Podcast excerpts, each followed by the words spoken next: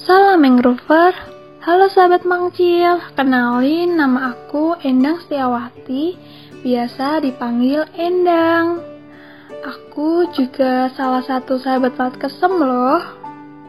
Kali ini aku akan membacakan salah satu dongeng dari Mat Kesem yang berjudul Tigi dan Kekuatan Magisnya. Langsung aja yuk kita dengerin ceritanya.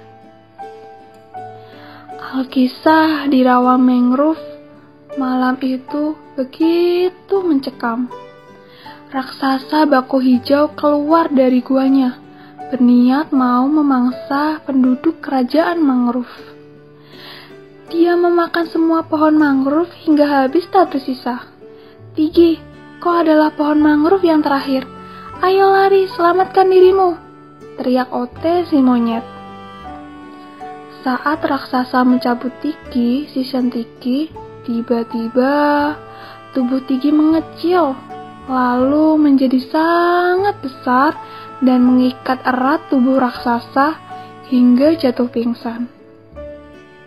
Penduduk mengangkatnya ke gua dan mengurungnya di sana. Ketekunanmu dalam beribadah membuat dewa memberikan kekuatan magis padamu untuk melawan raksasa kata Ote.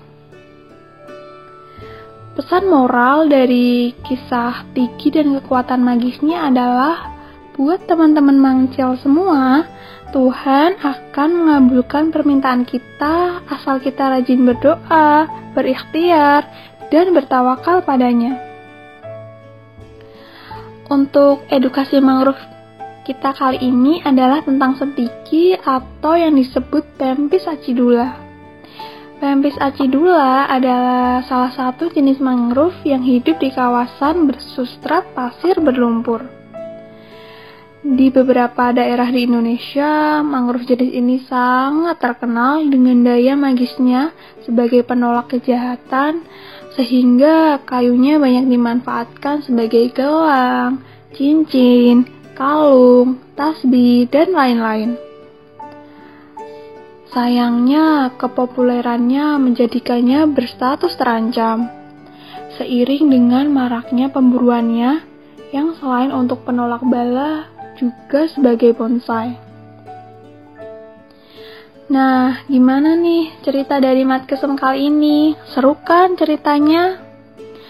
Nantikan dongeng terbaru dari Mat Kesem selanjutnya ya, sahabat Mangcil. Tetap jaga kesehatan, dan jangan lupa bahagia. Salam Mangrover.